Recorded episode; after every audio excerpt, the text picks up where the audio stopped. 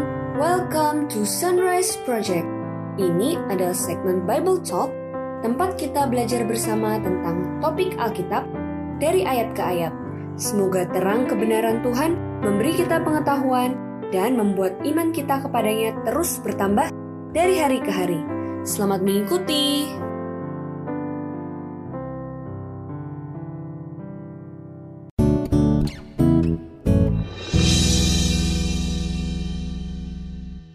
Dalam kita memilih jurusan, tempat kuliah, dan bahkan pekerjaan nanti sebenarnya Tuhan itu ikut terlibat nggak sih? Hari ini kita akan membahas satu topik yang ditanyakan seluruh anak muda di dunia, yaitu jurusan apa, kuliah di tempat mana, dan pekerjaan apa yang harus kita pilih. Nah, untuk itu kita akan bahas bersama bintang tamu kita hari ini, yaitu Will Yonas. Hai Will, apa kabar di sana? Halo, baik Kak, baik di Bandung. Puji Tuhan. Nah, mungkin buat teman-teman yang belum pernah kenal dengan Willy, mungkin bisa memperkenalkan diri sedikit? Oke. Jadi nama saya Willy Yones, saya asli dari Bandung. Saya sekarang sih kerja lagi kerja di rumah sakit part-time, bantu usaha orang tua juga, terus involve juga di 21 hari vegan challenge di Indonesia. Uh, ya itu sih, mayoritas ngerjain itu. Terima kasih banyak udah boleh meluangkan waktu dan energi dan semua kuota internet ya yang boleh join dengan podcast kita hari ini. Dan seperti tadi kita mention bahwa ini pertanyaan yang aku sendiri pun dulu juga menanyakan itu sih. Pasti Willy juga menanyakan itu kan. Dan mungkin Betul. sekarang kita sudah bekerja mungkin masih masih bertanya itu juga gitu kan. Jadi kita mau mau bahas ini dari Alkitab. Ya, karena kita percaya pasti semua ada jawabannya di dalam Alkitab. Oke, okay, jadi um, pas banget beberapa hari lalu ada teman aku yang tanya, dulu aku kuliah di mana, jurusan apa gitu. Karena rupanya anaknya ini baru lulus SMA dan dia hmm. lagi bingung mau kuliah di mana dan jurusan apa begitu. Jadi uh, mungkin gimana Will? Kita mungkin saling sharing ya. Um, dalam kita memilih jurusan, tempat kuliah, dan bahkan pekerjaan nanti sebenarnya Tuhan itu ikut terlibat nggak sih gitu? Apakah kita itu membutuhkan Tuhan, perlu melibatkan Tuhan dalam hal ini gitu atau bagaimana? Hmm. Pastinya Tuhan terlibat banget karena itu yang kita bisa lihat di dalam Alkitab. Yang aku selalu ingat sih kalau lagi ngomongin soal ya pilih jurusan apa, pilih karir apa, uh, itu cerita Esther sih karena Esther itu waktu itu mereka dia ada di negeri buah uh, yang bukan di negeri Israel ikut pembuangan dan dia ada di kerajaan Medio dan uh, Medio Persia. Dan yang menarik orang Yahudi di situ juga ya pendatang ya kan nggak terlalu diakui. Tapi somehow Esther itu akhirnya menjadi ratu. Dan waktu itu akhirnya pas dia sudah jadi ratu ada dekrit yang mau dikeluarkan oleh raja bahwa orang-orang Yahudi ini mau dibantai.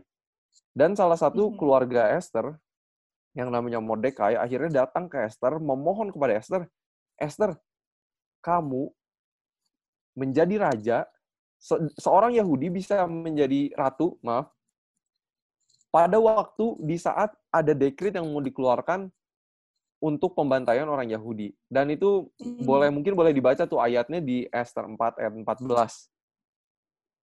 Oke, aku bacain ya. Esther 4 ayat 14, siapa tahu mungkin justru untuk saat yang seperti ini engkau beroleh kedudukan sebagai ratu. Nah itu saya suka banget ayat itu karena itu menunjukkan bahwa Esther itu bisa ada di posisi sebagai ratu pada waktu yang tepat dan pada posisi yang tepat. Dan mhm. kalau bukan Tuhan yang atur ini semua, siapa lagi? Yes. Jadi ini cerita Esther menarik banget sih. Jadi buat masing-masing kita juga kita selalu harus ingat bahwa Tuhan itu punya tempat yang spesifik dan pada waktu yang spesifik juga buat masing-masing kita.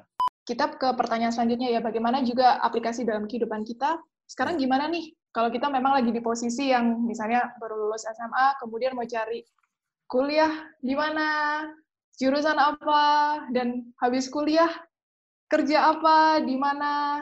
Nah, kira-kira gimana? Tuh, jadi aku juga ngalamin hal yang sama, pasti Kapriska juga ngalamin hal yang sama. Dan kalau mengenai cerita ini gimana sih tahu kehendak Tuhan kayak Tuhan itu maunya kita pilih yang mana sih? Itu dari cerita Nehemia. Jadi cerita Nehemia mm-hmm. dia itu hidup juga pada kurun waktu yang mirip sama Esther karena dia juga waktu itu menjadi buangan di negeri asing di kerajaan Medio dan Persia ini dan dia tuh kerjanya waktu itu tuh sebagai pembawa minuman kepada raja pembawa anggur mm-hmm. kepada raja. Yeah. Tapi waktu itu dia dengar ada kabar dari teman-temannya karena waktu itu teman-temannya beberapa ada yang udah pulang ke Yerusalem untuk membangun Yerusalem kembali. Akhirnya Nehemia ini dengar, wah katanya tembok-tembok Yerusalem ini masih hancur. Dan dia waktu itu punya beban untuk membenarkan tembok-tembok Yerusalem ini, akhirnya dia berdoa. Dan yang menarik, uh, Nehemia ini kalau dicatat di Nehemia 1, terus kita lihat di Nehemia, Nehemia 2 ayat uh, 1, Nehemia itu berdoa sungguh-sungguh kepada Tuhan selama lima bulan. Mm-hmm. Dia berdoanya dengan kata lain kayak, Tuhan, aku tuh pengen loh ngerjain ini, pengen loh untuk ngebangun tembok Yerusalem lagi, tapi dia tuh minta gitu, minta petunjuk Tuhan. Tuhan ini tuh kehendak Tuhan bukan sih? Karena saya ini dia udah punya kerjaan, tapi punya uh, burden yang baru, dia terus berdoa lima bulan. Dan mm-hmm. mungkin itu refleksi sedikit buat kita kayak kalau kita lagi mencari tujuan hidup kita mau ngapain, jurusan kita mau ngapain, seberapa serius sih kita udah berdoa. Nehemia aja berdoa lima bulan gitu kan. Dan sering kali kayak aku sendiri aja kadang Tuhan aku berdoa untuk satu hal, satu minggu berdoanya rajin, inget, satu minggu kemudian udah lupa gitu untuk didoakan ya kan jadi kayak yeah.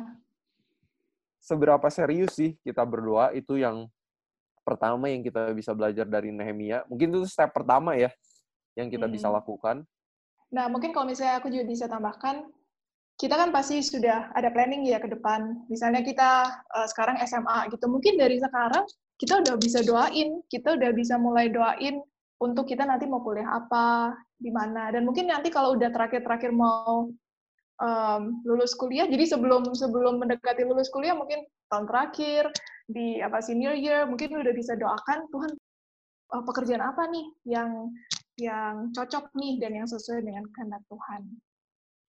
Betul, betul banget. Jadi berdoalah kayak Nehemia.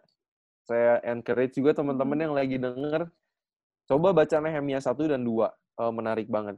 Dan yang menarik lagi yang aku pengen mention, setelah Nehemia ini berdua lima bulan, dan akhirnya sesuatu terjadi gitu. Raja tiba-tiba nanya ke dia karena raja ngelihat mukanya yang sedih. Terus udah gitu, raja bilang, Nehemia, kenapa kamu sedih? Terus dia ceritain lah akhirnya. Dan tanpa dia sangka-sangka juga, akhirnya raja bilang, oke, okay, saya akan ngizinin kamu untuk pergi pulang ke uh, ke Yerusalem dan bangun tembok Yerusalem itu. Dengan satu syarat dia balik lagi dan Nehemia nantinya balik lagi. Tetapi yang menarik itu Tuhan itu bisa menjawab doa kita dari dengan apa ya? menaruh orang-orang di sekitar kita. Membuka jalan, hmm. oh misalnya kita lagi daftar kuliah tiba-tiba oh ini keterima, ya kan? Tapi misalnya universitas lain tertutup jalannya. Jadi Tuhan itu akan membuka jalan dengan apa ya kalau di bahasa Inggrisnya itu God's providence. Jadi Tuhan itu hmm. menuntun hidup kita apa pun bisa dia gunakan gitu. Apakah bos kita, apakah orang tua kita, apakah teman kita untuk menuntun kita kepada jalan yang Tuhan mau setuju, buat kita. Dan mungkin juga sama juga ada ceritanya Nehemia, selain berdoa, Nehemia juga ada usaha. Ya kan? Jadi Betul. selain kita berdoa, tapi kita nggak apply juga di mana-mana, kita tidak berusaha ya mubazir juga gitu kan. Iman dan perbuatan harus harus sejalan gitu, harus balance. Betul, betul banget.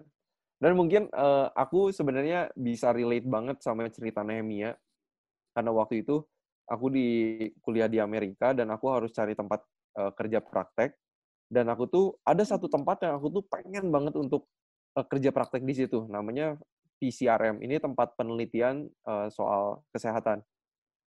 Dan aku tuh pengen banget di situ dan aku waktu itu lagi belajar cerita Nehemia, aku bilang, Tuhan, aku pengen nih berdoa kayak Nehemia. Dan waktu itu tuh menarik banget, aku tuh apply untuk kerja praktek di bulan Februari tahun 2018. Dan tiba-tiba dan katanya mereka jawabnya, "Oh iya, kita akan jawab itu sekitar 5-6 bulan dari sekarang." Aku bilang, "Wow, kok ini waktunya mirip banget gitu time frame-nya sama Nehemia dan waktu itu aku benar-benar berdoa, aku bilang, "Tuhan, kalau memang itu kehendak Tuhan buat aku kerja praktek di tempat itu dan Tuhan bisa menggunakan aku sebagai terang, tolong buka jalan, aku bilang. Dan aku benar-benar aku ingat berdoa lima bulan, aku berdoa sama teman sekamar aku di asrama, minta uh, minta keluarga aku juga berdoa bahkan. Dan akhirnya lima enam bulan kemudian doa aku terjawab. Dan doa aku dikabulkan, aku akhirnya diterima untuk kerja praktek di sana. Dan puji Tuhannya, Tuhan juga bisa gunakan aku untuk menjadi terang ketika kerja praktek di sana. Jadi cukup menarik sih. Tuhan akan Mm-hmm. tuntun kita ke tempat yang ia inginkan ketika kita juga minta tuntunannya. Benar-benar. Dan mungkin satu hal juga kenapa kok Tuhan itu sebenarnya Tuhan itu kalau mau buka jalan, oke okay, Willy di mana tadi tempatnya? ECRM? Di ECRM. Iya, maksudnya Tuhan kan misalnya oke okay, Willy di sana kan bisa aja sebenarnya gitu. Tapi sebenarnya ada satu maksud Tuhan, kenapa kok Tuhan itu mau dia dilibatkan dalam setiap keputusan kita ya enggak. Jadi betul. Um, saya juga punya pengalaman yang sama seperti Willy dan mungkin teman-teman yang lain juga. Jadi kalau misalnya um, kita nanti dijawab nih doanya, kita tuh jadi manusia yang tidak sombong. Kita hmm. benar-benar ingat um, keluh kesah kita, apa ya, maksudnya pergumulan-pergumulan kita dan bagaimana kita tuh bisa mengandalkan Tuhan. Gitu. Jadi kadang-kadang kalau misalnya teman-teman juga yang sekarang masih bingung, masih nggak uh, tahu gitu ya berdoalah dan itu uh, menjadi satu satu momen yang indah sih gitu. Nanti kalau kita flashback kita akan melihat bagaimana Tuhan itu menuntun gitu. Jadi kita akan tetap selalu bisa meninggikan Tuhan seperti itu. Amin. Amin. Nah tapi ada pertanyaan berikutnya nih. Sekarang misalnya doa kita sudah dijawab. Oke kuliah dengan jurusan yang kita mau, di tempat yang kita mau, atau mendapat pekerjaan di tempat dan bidang yang kita mau, tapi kadang-kadang tidak selalu berjalan mulus 100%. Ya kan namanya kita hidup di dunia. Mungkin Willy uh, ada yang mau dibagikan pengalaman-pengalaman mungkin dari tokoh Alkitab yang boleh menguatkan kita supaya kita terus uh, semangat gitu dalam perkuliahan, dalam pekerjaan kita. Ya, itu menarik sih. Uh, kadang kita suka pikirnya kalau kita ikut Tuhan, kita udah melakukan apa yang kehendak Tuhan, hidup itu akan mulus-mulus saja. Gak akan hmm. ada kesusahan, ya kan? Kayaknya, wah kalau emang Tuhan udah tuntun saya ke sana, harusnya mulus-mulus dong gitu kan. Tapi kalau kita lihat cerita tokoh-tokoh di Alkitab, contoh kayak Musa. Musa yang udah dididik di Mesir 40 tahun, orangnya pintar banget, bagian dari militer juga. Terus udah gitu, Tuhan panggil dia pengen gunakan Musa untuk jadi bangsa Israel, tapi dia harus dididik lagi menjadi seorang gembala selama 40 tahun. Mm-hmm. Mungkin kalau kita ngelihatnya perspektif, mungkin kayak Musa itu udah sukses banget di kota Jakarta, di kota Surabaya. Tiba-tiba sama Tuhan dipanggil ke kampung gitu kan. Jadi kayak mm-hmm. kadang kalau pakai logika manusia tuh kayak Tuhan bukannya ini kehendak Tuhan, kok malah jadi susah gitu. Oh hidup yang udah enak, udah gitu malah dipanggil untuk hidup sederhana. Jadi dan sama juga kayak Paulus, ya Paulus yang udah punya hmm. posisi yang tinggi dan lain-lain, akhirnya Tuhan panggil dia, malah hidupnya susah gitu. Kapal karam yes. dilemparin batu, yeah. wah susah Masuk banget gitu. penjara. gitu. Masuk penjara. Jadi kita ini harus harus clear juga di otak kita kalau kita udah tahu nih Tuhan tuntun kita ke jalan itu belum tentu jalannya tuh mulus-mulus aja. Dan uh, Tuhan itu pasti terus menuntun hmm. kita di di jalan yang kita lagi jalani. Kalau emang itu kehendak Tuhan, Tuhan juga akan ada bersama-sama dengan kita. Dan even kalau aku ingat ya, Tuhan sendiri loh yang datang ke dunia sebagai manusia, hidupnya juga sama sekali nggak mulus, ya kan?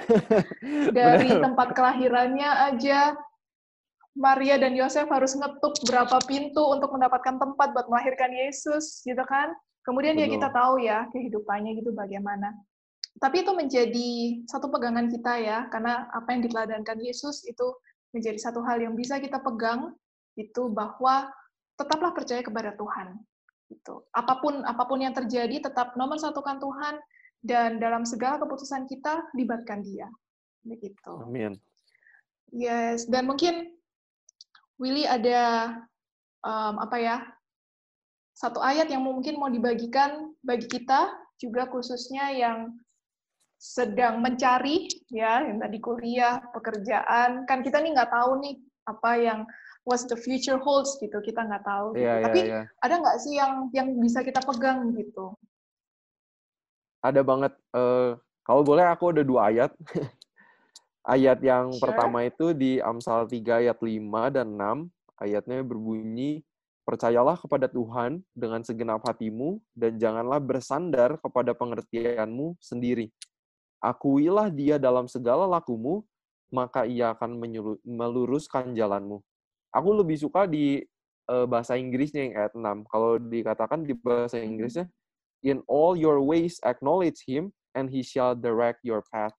Jadi kalau kita mengakui Tuhan dalam segala hal, Tuhan itu berjanji kalau dia akan menuntun kita kepada jalan di mana Tuhan mau kita berada gitu.